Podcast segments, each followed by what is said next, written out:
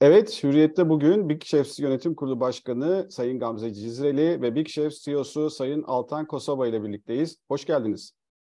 Hoş bulduk. Teşekkür ederiz Sefer Bey. Hoş bulduk Sefer Bey. Çok teşekkürler. Öncelikle Big Chefs'i biliyoruz ama biraz da rakamlarla tanıyalım istiyoruz. O yüzden ben Altan Bey'e sormak istiyorum. Bize biraz rakamlarla Big Chefs'i anlatabilir misiniz? Hay hay seve seve. Ee, %30'u Gamze Cizreli, kurucusu da Gamze Cizreli, %30'u Saruhan'dan, %40'ı Taksim Kapital'e ait olan 2022 sonu itibariyle 3 marka, 92'si e, Türkiye'de, geri kalanları yurt dışında 52 tanesi, 58 tanesi franchise, 42 tanesi kendisine ait olan e, 3 tane markasıyla Big Chefs, Nam Nam ve Buselik'le yeme içme sektöründe biz lider diyoruz. E, bir marka. E, büyüklük olarak bakacak olursanız yaklaşık 900 milyon TL sadece kendi şubelerimizden yaptığımız hasılatımız var. E, FAV yükümüz 240 milyon civarında %27 marjla çalışıyoruz. Net karımız da 105 milyon civarında. Şimdilik bunları söyleyebilirim rakamlarla. Gamze Hanım rakamlar zaten e, kendisini anlat, anlatıyor. E, biz de çok uzun yıllardır tanıyoruz Gamze Hanım ve Big Chefs'in de nasıl böyle gözümüzün önünde büyüdüğünü e, şahitlerinden biriyiz. Peki ben Gamze Hanım size şunu sormak istiyorum. Şimdi full servis restoran pazarı ile nüfus arasında nasıl bir bağlantı var?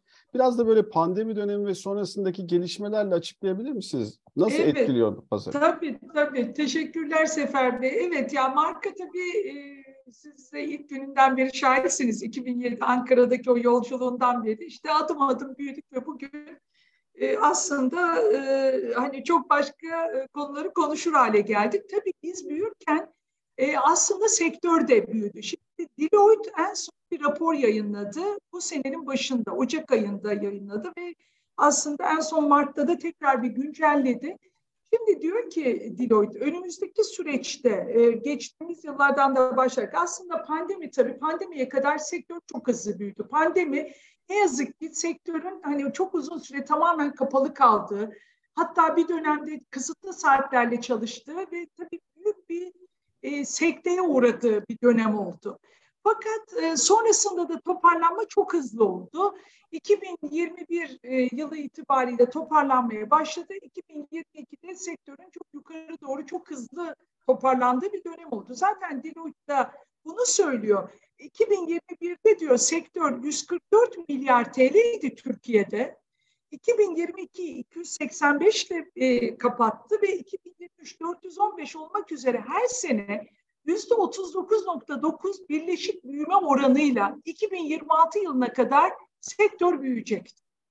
Bir kere şimdi bu tabii ki sektörün önümüzdeki süreçte e, çok umut vadeden bir sektör olduğunu da gösteriyor. Çünkü uzun yolu var, Avrupa bayağı uzun yolu var. Çok önemli. Bakın Avrupa Birliği ortalaması e, dışarıda yeme içmenin e, toplam harcamaya oranı yüzde 5.2 iken Türkiye'de bu yüzde 2.3. Şimdi bu tabii ki e, gayri safi milli hasılayla tabii ki çok e, orantılı olmakla birlikte bunun bir Deloitte kültürel değişim olduğunu da savunuyor. Yani alışveriş merkezlerinin penetrasyonu, kadınların çalışma hayatında daha fazla yer alması, işte dışarıda yeme içmenin bir kültürel değişimle birlikte işte bizim hani Anadolu'daki yayılmamızın aslında temel sebeplerinden biri de bu. Yani önümüzdeki bu rakamlar aslında sektörün son derece e, e, umut vadeden e, bir büyüme içinde olacağını gösteriyor. Bu genel sektörün içinde de en yüksek payı da Deloitte'a göre full service restoranlar. Yani aslında bizimki gibi işte masaya servis, bütün güne yayılan, özellikle sabah, öğlen, akşam yemekleri ara saatlerde de dolu olan ve bizim gibi zincirlerin de hem işte e, fiyat ürün politikası hem güvenilirlik hem kolay ulaşılabilirlikten de dolayı zincirlerin de önümüzdeki süreçte e, pazar payında çok hızlı büyüyeceklerini de Deloitte zaten öngörüyor. Bütün bunlar da e, bizi tabii geleceğe yönelik büyüme hedeflerimizi de e, tabii o oranda e, ileriye götürmemize sebep oluyor. Bu Deloitte'un raporunda yeni gelmişken paylaşmak istedim. Şimdi Gamze Hanım, Big Chefs'i konuştuk, rakamları konuştuk. Birçok ilki de aslında öncüsü. e, Big Chefs. Şimdi yeni bir ilke de imza atmaya hazırlanıyor. Onu bize anlatabilir misiniz? Halka arz planınız var. Neden halka arz? Ve halka arz ee, sonrası neler yapacaksınız? Böyle kısaca bahsederseniz yeni hayalinizi. Evet, şimdi bizim e, aslında marka için e, çok önemli bir yol ayrımındayız. E, biraz önce Deloitte'in raporundan size bahsetmiştim. Aslında Deloitte'in raporuna göre de zaten sektörde şube adedi en fazla olan, özellikle bizim full service restoranlarda lider konumda olan markamız Big Chefs. E, dolayısıyla da aslında bugün geldiği büyüklük, sektördeki lider konumu, artık girişimcilik, bir girişimcinin şirketinden ve markasından öte daha kurumsal, daha denetlenebilir, daha şeffaf olma yolculuğunda hani böyle e, tamamen yüzde yüzü banka kredisiyle kurulmuş bir markanın bugüne geliyor olması tabii benim için çok büyük bir onur ve gurur verici. Artık bundan sonraki büyümeyi daha kurumsal yapma adına e, bu kararı aldık hep birlikte ortaklar olarak. E, çok önemli bir süreç ve çok heyecanlıyım tabii ki bu süreç için. E, ben zaten e, belli bir süredir de kurumsallaşma yolunda da epey yol kat etmiştik ki artık ben e, 2019 itibariyle koltuğumu sevgili Altan Kosova'ya devretmiştim CEO'luk koltuğumu. Artık daha çok şirketin yönetim kurulu başkanı olarak sosyal etki projeleri üzerinde daha çok zaten çalışıyorum. İşte kadın güçlendirme, yereli kalkındırma, atıksız mutfaklar ve sürdürülebilirlik anlamında. Onun için belki de e, halk arzdan sonraki yatırım planlarından Altan e, bahseder. Sonrasında e, ne tip planlarımız var diyerek. Seve evet seve. sevgili Altan. Seve seve. E, kurumsallaşma, şeffaf olma ve hesap verebilmenin ötesinde halk arzdan gelecek paranın büyük bir kısmını yurt içinde ve yurt dışında şube açılışlarında yani aslında büyümede kullanmak istiyoruz. E, bu büyümenin bir kısmı sıfırdan dükkan açmak olabilir, şube açmak olabilir. Bir kısmı da hali hazırdaki dükkanları satın almak olabilir. E, bir diğer kısmını da işletme sermayesinde kullanmak istiyoruz Sefer Bey. Aslında büyük şefler işletme sermayesine ihtiyaç duyan bir şirket değil. Fakat içinde bulunduğumuz malum enflasyonist ortamda ne kadar çok nakdiniz olursa tedarik zincirini özellikle satın alma tarafını çok daha iyi yönetiyorsunuz. Orada da bir miktar fon ayırmayı düşünüyoruz bu işe. Anladığım kadarıyla e, bu şu anda bir kısmı kirada e, çalıştığınız yerlerin. Bunları satın alımda kullanacaksınız ve yeni şubeler açmakta kullanacaksınız halka arz gelirlerini. Evet, kiraladığımız yerleri satın almak demeyelim de hali hazırda işleyen franchise'larımızı devralmak olabilir. Devralmak, anladım. Peki başka yatırım planlarınız var mı? Var. Şube dışında? E, yurt, var, yurt dışında şube açmak derken aslında birazcık onun altını açmak lazım. Biz 2019 yılında yurt dışındaki ilk kendi işlettiğimiz şubeyi açtık Frankfurt'ta. E, o dönemlerde Turquality vardı. Turquality'ye başvurduk. Turquality'yi de aldık. Bir, bir buçuk senelik bir periyot. Oldukça da e, uzun süren ve meşakkatli bir iş bunu almak. E, fakat sonrasında Turquality devlet desteğini gastronomi sektöründe oldukça azalttı. Hatta sıfıra indirdi diyebilirim. Hı hı. E, bizim de elimizde Turquality var diye biz ilk şubemizi açtığımızda oradaki muhasebesel işlerden e, çok zorlandık. Yani oraya adapte olmak çok zor, uzaktan yönetmek çok zor. İnsan kaynağını uzaktan yönetmeye çalışmak çok zor. E, prime lokasyonları kiralamak çok zor.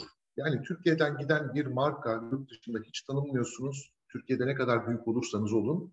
Gidip de ben burayı kiralamak istiyorum dediğinizde adam sizi bilmiyor ve endişe ediyor bir Türk markası diyor. Ben niye sana kiralayayım diyor. Dolayısıyla biz bu e, karşımıza çıkan bariyerleri nasıl aşabiliriz diye değerlendirdiğimizde joint venture yapmaya karar verdik. Hmm. Orada hali hazırda işletmeleri olan özellikle yeme içmede tecrübeli şirketlerle joint venture anlaşmaları imzaladık. Turquality iptal olduktan sonra da bu joint venture'lardan vazgeçmedik. Devletin vereceği destekleri biz vereceğiz dedik joint venture'larımıza. Olduğu gibi devam ediyoruz. 2023'ün ee, hemen başında Oberhausen'ı açtık. Ee, Şubat ayında Antwerp'i açtık. Şimdi önümüzdeki ay Stuttgart'ı açacağız. Bunların hepsi joint venture. Ee, bu fonları buraya ayırmayı düşünüyoruz. 2027'nin sonuna kadar toplam 20 tane şube açılışı hedefliyoruz dışında. Peki sizinle devam edelim o zaman Altan Bey. Bir de bu pandemi dönemi sonrasında e, sadece evden çıkmamakla kalmadık. Bir de mal tedarik zincirinde çok ciddi sıkıntılar yaşadık. Şimdi hem fiyat artışları var ve hem ürün zincirlerindeki sıkıntılar bu kadar gündemdeyken siz tedarik zincirini nasıl yönetiyorsunuz? Sefer Bey çok önemli bir soru aslında bu. Değindiğiniz konu da çok önemli bir konu. E, bu tedarik zincirindeki kırılmalar, pandemi sırasında başlayan kırılmalar aslında bizi çok etkilemedi. Kırılmalardan mütevellit fiyat artışları ve enflasyonist ortamda yaşanan fiyat artışları bizi çok etkiledi. Biz bunları değerlendirirken sadece mal satın alma, üretme vesaire falan diye de değerlendirmiyoruz. İlk başta çalışanlarımız var. Önce çalışanlarımızın mağdur olmamasına çalışıyoruz. Ya böyle bir rakamsal bir iki bir şey söyleyecek olursam, gıda maliyetleri bunlar açıklanan resmi rakamlar 2022'de 140 yüzde 140 arttı. Enerji maliyetleri yüzde 180 arttı. Biz menümüze ne kadar zam yaptık diye bakacak olursanız yüzde 120 yaptık. Yani aslında bunu minimumda tutmaya çalışıyoruz. Bunu da şöyle becerebiliyoruz. Günlük bakmıyoruz bu olaylara. Çok daha uzun süreçli bakıyoruz. E, nakit akışında pozitif olduğunuz sürece sonuçta burada elde ettiğiniz geliri, parayı sonuçta uzun dönemli satın alma anlaşmaları yaparak enflasyondan minimum etkilenecek şekilde kendinizi kurguluyorsunuz. Örnek vermek gerekirse ben peynir ithalatçısına parmesan peynir, Türkiye'de istediğinizi bulamıyorsunuz. Bir yıllık tüketeceğim miktarın parasını veriyorum. Karşılığında teminat mektubu alıyorum. Ürünü satın alıp onun deposunda tutuyorum. Ve bir yıl boyunca da bana hizmet vermeye devam ediyor. Keza yağ, keza un. E, bunlar bizim işimizde çok olağan şeyler.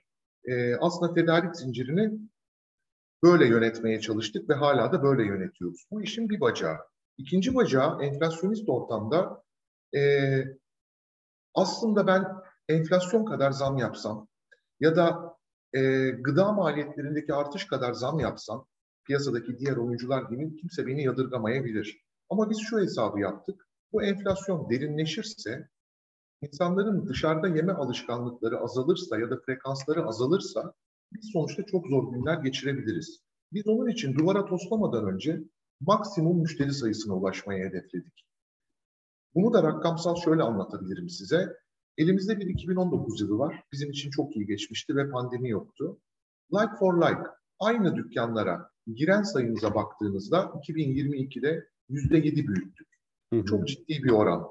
Ya bunu da pricing metodolojiyle hı maliyetlerimizi iyi yöneterek daha azdan yaparak bunları başarabildik. Son bir konu gene enflasyona dayanıyor ama sonuçta şirketi yönetmeye geliyor toplamda iş. Fizibiliteleri daha farklı değerlendirmeye başladı. Big Chefs artık anchor konumda Türkiye'de. Ciddi trafik sağlayan, ciddi ayak sayısı sağlayan, olduğu noktaya değer katan bir marka konumundayız. Dolayısıyla biz artık yatırımcılardan destek almadan, bizim CAPEX, inşaat kurulum maliyetlerimize destek olmadan ve biz fizibilitemizi düzgün yapmadan, yüzde yüz emin olmadan dükkan açmama kararı verdik. İstanbul, İzmir, Ankara'da dükkanları zaten kendimiz açıyoruz. Keza Anadolu'da açtığımız dükkanlar içinde franchise yatırımcılarımızın dükkanları içinde fizibiliteyi birebir biz yapıyoruz. Anladım. Aslında olay sadece gelen müşteriye en iyi yemeği sunmayı değil, işin arka tarafında da büyük bir organizasyon ve e, bir maliyet zinciri dönüyor ki müşteriye karşısına en e, iyi fiyatla çıkın, sonuçta kar da etmeyi başarın bir yerde future, future işlem yapıyorsunuz. Kesinlikle. Ee, Buna bir de şöyle bir şey de ekleyebilirim. Ee, bizim İstanbul, İzmir, Ankara'da merkez mutfaklarımız var. İstanbul'daki merkez mutfağımız yaklaşık 250 metrekare büyüklüğündeydi. E, yetmiyor burası bize baktığınızda. Olduğumuz merkez ofisin bütün katlarını kiraladık. 1250 metrekareye çıkartıyoruz. Bu işe de yatırım yapmaya devam ediyoruz. Çünkü bu yeme içme işinde büyüdükçe aslında tedarik zincirini daha iyi yönetmemiz gerektiğini farkına vardık. Şimdi Gamze Hanım sizin en sevdiğiniz konuyla bitirelim istiyorum. E, sosyal faydaları konuşalım istiyorum. Çünkü e, siz o taraftasınız artık Altan Bey gelmesi e, sonrasında daha çok sizi o taraftaki yüzünüzle biliyoruz. Hem sürdürülebilirlik hem de sosyal faydalarla ilgili projeleriniz nasıl bir onu soracağım. Bir de maalesef çok yakın zamanda çok büyük bir deprem yaşadık. Deprem sonrasında nasıl aksiyon aldınız onları anlatırsanız sevinirim. Ee, evet Sefer Bey, sizin de söylediğiniz gibi benim en çok e, konuşmayı ve anlatmayı sevdiğim konu bu. Çünkü aslında Big Chefs'i ilk kurduğum günden beri ki hayalim bir markanın karlı büyürken aynı zamanda sosyal fayda sağlayan bir marka olabileceğini de göstermek istiyordum. Çünkü son dönemde yaşadığımız işte pandemi, savaşlar, e, e, son yaşadığımız deprem de gösterdi ki dünyanın daha fazla vicdanlı, onarıcı ve sosyal etki yaratan liderlere ihtiyacı var. Ve biz bunu paralelde götürebiliyoruz. Mesela şimdi 2018 yılında e, bizim başlattığımız bir proje bu. Toprağın kadınlarından sofralara. Burada e, kırsaldaki kadını tedarik zincirine dahil etmek istedik. Çünkü ben de biliyorum bir kadın girişimci olmak zor, kadın üretici olmak zor. Kadın kooperatifleri üretiyorlar ama bu ürünleri doğru pazarlarda yer e, veremiyorlar. Onun için de biz e, bu tedarik zincirini kadınları dahil ederek aslında büyük e, firmalardan alacağımız ürünleri direkt kadın üreticilerden almaya başladık. Evet belki fiyatlar biraz daha yüksekti ama biraz önce Altan'ın anlattığı gibi aslında satın alma maliyetlerini de doğru organize ederek bunu da paralelde götürebildik. Ya aslında şu anda yani yüzde e, satın almamızın yüzde ona yakınını ki bunu sürekli artırmayı hedefliyoruz. Direkt e, kadın kooperatiflerinden ve kadın üreticilerden alıyoruz.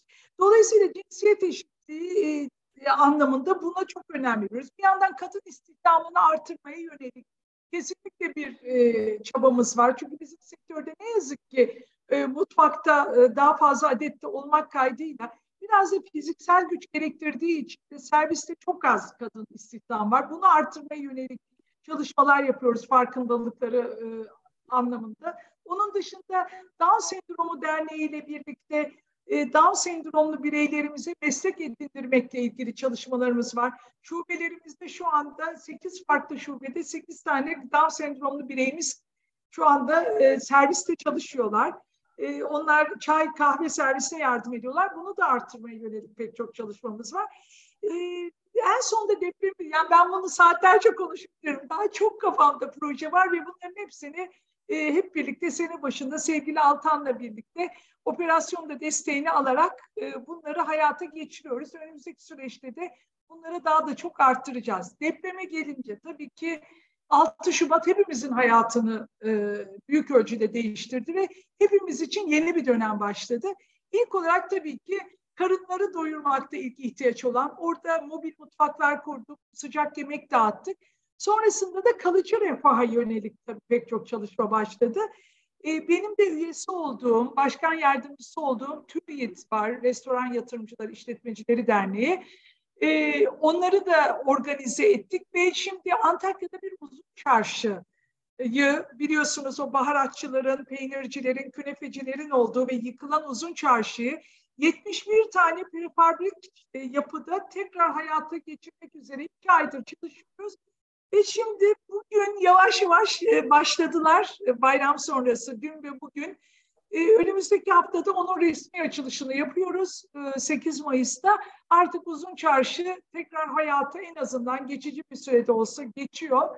Onun dışında oradaki yerel üreticilerden kadın kooperatifleri olmak üzere ellerindeki stok ürünlerini aldık. Yine bizim mutfaklarımızda kullanmak üzere ve önümüzdeki süreçte de deprem bölgelerindeki tedarikçilere ağırlık vererek tedariğimizi biraz o bölgelerden almak konusunda da çalışmalarımız var. Bir de şimdi gastronomi bizim işimiz. Ve aslında deprem bölgeleri Antakya, Gaziantep e, gibi aslında şehirlerimizde gastronominin beşikleri çok önemli. Tabii e, UNESCO gastronomi yaratıcı ağlar listesine de katılmış illerimiz. Onların mutfaklarını tekrar yaşatmak e, ve devam ettirmek için de e, mesela oranın bir Ali Mürdün diye bir şefi vardır. Asi Nehri'nin kenarında böyle eski bir e, esnaf lokantası var yıllardır. Onun da e, çok zarar gördü. Şimdi biz ona bir prefabrik e, restoran yapıyoruz. Onu da haftaya açacağız. Biz Big Chefs olarak onu üstlendik. E, böyle e, çok keyifli e, bir şeye e, avukatlar çarşısının içine yine yapılan bir prefabrik çarşının içine Kendisine de bir restoran yapıyoruz. O bölgeyi terk etmesin. O bölgenin ürünleriyle, o tuzlu yoğurduyla, baharatlarıyla tekrar o e, reçeteleri yaşatsın istiyoruz. Dolayısıyla kalıcı refaha yönelik çalışmalarımız da uzun dönemde devam edecek. Hem gastronomik açıdan hem özellikle oradaki kadın üreticileri desteklemek açısından Sefer Elinize sağlık diyorum ben de. Big Chefs Yönetim Kurulu Başkanı Gamze Cizreli ve Big Chefs CEO'su Altan Kosova bugünkü konuklarımızdı. Katılımınız için çok teşekkür ediyoruz. Biz teşekkür ederiz Sefer Bey. Çok sağ olun. Biz teşekkür ediyoruz Sefer Bey. Sağ olun.